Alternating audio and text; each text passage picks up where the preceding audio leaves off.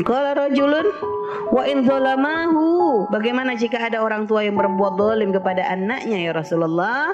Walaupun orang tuanya zalim, maka anak gak boleh zalim. Gak boleh mentang-mentang orang tuaku zalim ya Allah rasanya gak terima, baleslah. Ikutan zalim juga misalnya, oh gak bisa.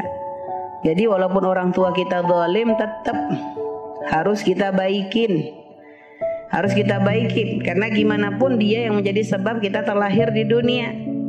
Jadi nggak boleh ibaratnya ada balas dendam ke bapak gara-gara bapak dulu waktu bayi ninggalin saya. Atau balas dendam ke ibu gara-gara ibu dolim sama saya. Tidak bisa. Tetap urusan kita dengan Allah Urusan kita berbuat baik kepada siapa pun itu bukan hitung-hitungannya dengan manusia.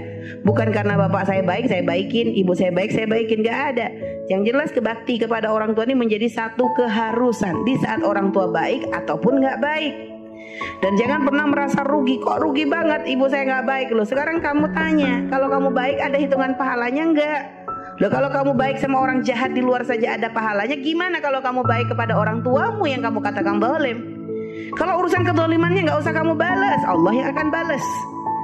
Gak usah kita balas kalau ada orang tua zalim bukan bagian kita membalas kedoliman dengan kedoliman. Ada Allah yang ada yang punya hitungan.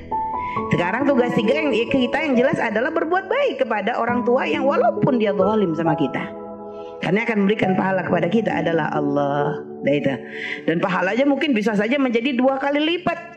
Kalau orang berbuat baik kepada orang tua yang baik wajar. Malah kalau nggak baik kurang ajar. Lah ini ada orang berbuat baik kepada orang tua yang tidak baik, subhanallah. Lah ini kan pahalanya berarti kan berarti mukhalafatul hawanya luar biasa nih. Ngelawan hawa nafsunya. Kalau hawa nafsunya mah bisiknya apa? Oh, orang tuamu kayak gitu kok kamu baikin? Ngapain? Perhatian sama kamu enggak? Tuh baikan tetanggamu.